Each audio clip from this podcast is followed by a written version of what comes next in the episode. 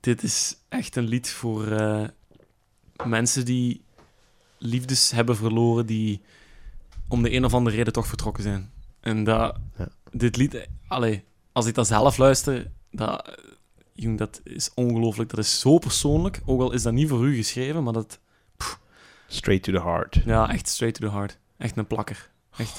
Ik snap wat je bedoelt. Een melige plakker. Ehm, en dit is ook een van de...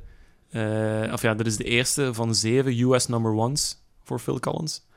Ehm, dus ik denk dat het niet meer terecht is dan... eh, of niet meer dan terecht is dat hij in de tijdloze komt. Dat bevestigt eigenlijk zijn, eh, zijn solo ehm, kunst eigenlijk ook. Ja, ja, vind ik wel, ja. ja. Vind ik wel. En daarna komen dan die, die goede soundtracks van inderdaad Tarzan. Ja. En The Lion King, of de- is, dat, is dat Elton John? Dat is Elton John, hè? Ik Ja, het hè? ook eens zeggen. Ik was ook juist denken, dat dat is dingen. You'll Be In My Heart is van Tarzan, hè? Ja, ja, ja. Voilà, ja. Nee, The Circle of Life is van Elton John. Ja. Ja, zit je, oké. Dat is ook nog een goeie, die komt er misschien ook nog ooit in. Inderdaad. Eh alright. Ik ga, ik ga overnemen. En Ik voel me een beetje slecht, omdat ik... Het nummer dat ik ga gebruiken, of dat ik nu wil... eh, ga gebruiken. dat is raar. een rare woord. Eh, dat ik nu ga aankondigen, is een beetje... Breekt eigenlijk het concept van ruimte hier. Hè? Want we hadden de hele tijd over ruimte, en dat is nu niet zo. Eh, het, maar het heeft wel nog iets meer. Eh, iets mee te maken met het vorige nummer. En dat is het, het, het breken van harten. Of, allee, het emotioneel zit er wel nog in. Op een andere manier. Niet het nummer zelf, maar waarover het gaat. Ja. Het, eh, het is bij mij de categorie Marshmallow, marshmallow Classics. Oh! Dus de, de klassiekers die niet hard rock zijn. Ja. Die in een andere categorie, maar van je weet van, oké, dat is klassieker. De power ballads, eigenlijk zo'n beetje. Niet echt, gewoon Nee? de rustige... Ah. Allee, Losing My Religion. Dat is het nummer. Losing My Religion, dat er vorig jaar in stond en nu niet meer. Ja, dat was eigenlijk de bedoeling dat hij eruit ging. Oeh, Oh, ik vind dat echt een slecht jij vindt dat een slecht Ik nummer? vind dat echt een slecht nummer. Geen fan van R.E.M. in het algemeen? Holy of? shit, nee. Sorry. Nee? Nee, echt niet. Ik denk dat ik weet waarom. Ik, ik ga er zoiets bij komen. Dit, is nu Losing My Religion, een R.E.M. van 91 eh, 1991. Ja. Oké. De band van eh, Michael Stipe. Als je die nu tegenwoordig ziet, lijkt hij een beetje alsof hij 40 jaar in een grot heeft gewoond. Hij heeft ook zo'n neus, neuspiercing en een baard van 40 centimeter. Oh, mooi. Ehm, andere leden, de gi- gitarist Peter Buck. Heel, heel belangrijk voor eh Simpele gitaarspel in de jaren 80. Mhm. Ehm, en Bill Barry en Mike Mills. Bill Best, jeez. Fantastische namen. Die, die, zijn, die zijn landbouwer in hun, eh, in hun Ja, vrije tijd of zo. ja. Van die simpele namen. Ik denk zo. dat ook wel. Bill Barry klinkt ook zo echt een boer, hè? Een boernaam. Mike Waar Mills. wij niet willen zeggen dat boeren slecht zijn. Nee, we houden van onze West-Vlamingen. oh, ja. Allee, ik wou het nog redden, maar oké, bij Ja. deze. Nee. Boeren, jullie Ehm, mogen ook luisteren naar deze podcast. Welkom. Ehm, maar volgens mij is dus eh, het bekendste mandoline bevattende nummer dat er is. Eerlijk gezegd, ik ken ook niet zoveel Ah, andere ja. nummers die mandoline bevatten. Nee, inderdaad. Ja. Nee, ik denk dat heel veel mensen ook gewoon het woord mandoline niet kennen. Die weet niet wat het is. Is dat gelijk appelsien of niet? Is dat Grieks gerecht? Nee, nee, dat is niet. Ja. Eh, maar dus blijkbaar heeft hij de nummer, eh, heeft hij de riff van het nummer. Mhm. Dat zou opgekomen zijn toen hij een mandoline had gekocht Ja. en het aan het oefenen was om het te leren spelen. Oh. Hij was voor de tv of zoiets en hij was aan het opnemen en plots speelde hij de basic akkoorden. Ik denk dat iets van A mineur, E's, whatever, heel basic akkoorden. Was hij aan het oefenen? Ik ken die van buiten, en, en D en G. Of zo. Uh-huh. En, en hij vond het goed klonk. En hij was aan het opnemen. En hij zei van, oké, achteraf was hij aan het luisteren. Hij had heel veel dingen opgenomen en vond, oké, dat gaan we gebruiken. Ja. En dus zo eh, is dus die riff of die melodie gekozen. Het is ook niet echt hun typische, typische stijl. Ja. Ehm, maar anderzijds, R.E.M. is zoveel richtingen uitgegaan dat het moeilijk is om hun te typeren als een, bepaald, een bepaalde stijl. Ja. Ehm, het liedje gaat eigenlijk over de, de controle verliezen. Ja. Want Losing My Religion is eigenlijk een, eh, een gezegde in, in het zuiden van Amerika, of toch vroeger, in de jaren 80, 90, Mhm.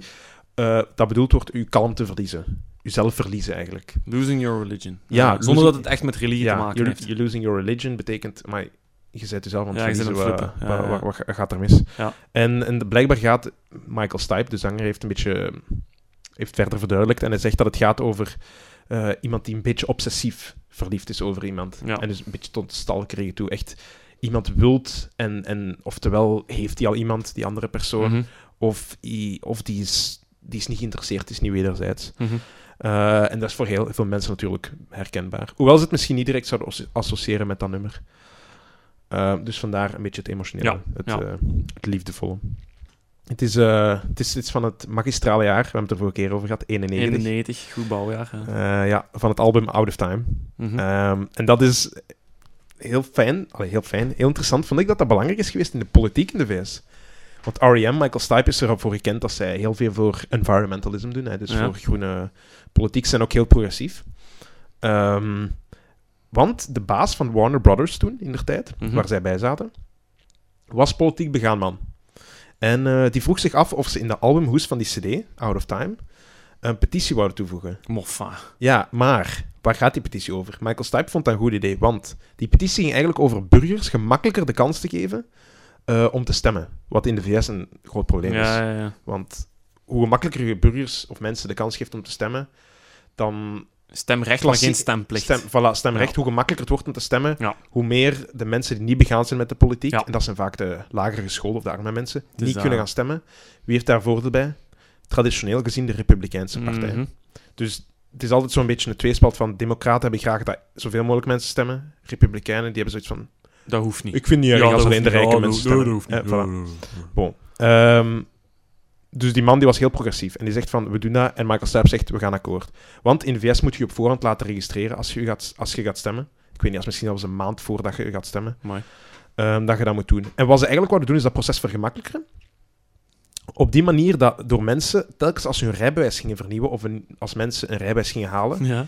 dat ze toen al zich konden registreren. Ze kregen dan een extra remi- reminder van, kijk, kunt, wilt je nu ook registreren om te gaan stemmen? Om te gaan binnen stemmen, ja, ja. twee of drie maanden, of whatever, voor de presidentsverkiezingen.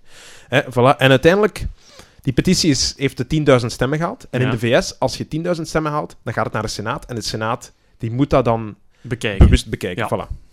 Eh, en zo gezegd, zo geschieden, die bill, namelijk de Motor Voter Act, Motor Voter, Moeder voor. eh, die komt voor de Senaat eh, en die werd door een andere bill, Bill Clinton, eh, als gevolg door...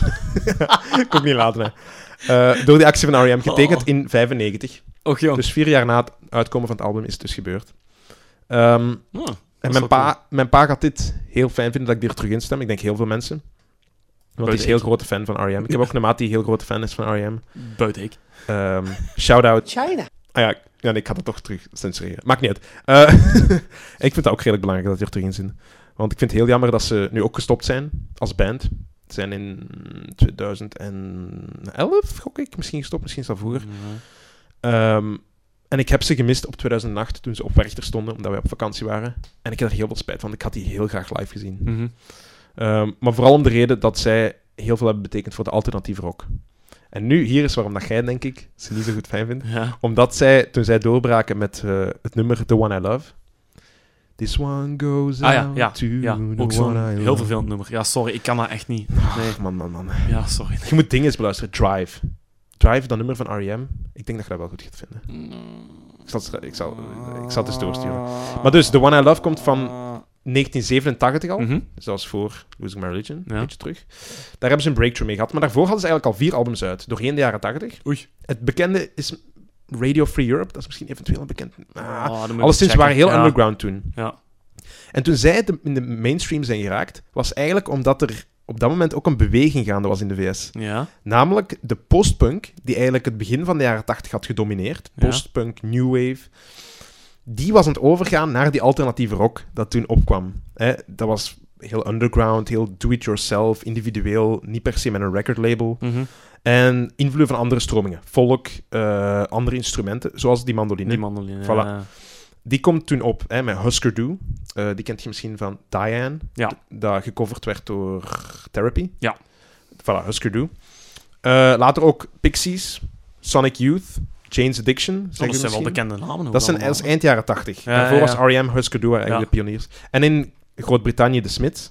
Ah, ja, voilà. Dat is allemaal alternatieve rock. Of die Heel worden een beetje beschouwd. En dan in de jaren 90 is dat natuurlijk heel ster gebloemd. Crunch, Radiohead, Red Hot Chili Peppers, de Britpop. Allemaal gevolgen van die alternatieve rock. Dat is er allemaal uitgekomen. Maar dus, zoals ik aanhaalde, het, het, het uitgaan van de postpunk gaat een beetje samen met de alternatieve rock die, die toeneemt. Ja. En ik denk dat daar het, het schoentje... Ja, nee, ik, ja, die heeft ook gewoon zo'n heel vervelende stem gewoon. Ik, Vind je? Als dat stemgeluid me niet aanstaat, dan, mocht die, dan mag dat nog zo'n goed nummer zijn. Ik weet het niet, Oh. Dan haak ik af. Ik kan ze bij drivers opzetten. Ja. Ja, doe dat.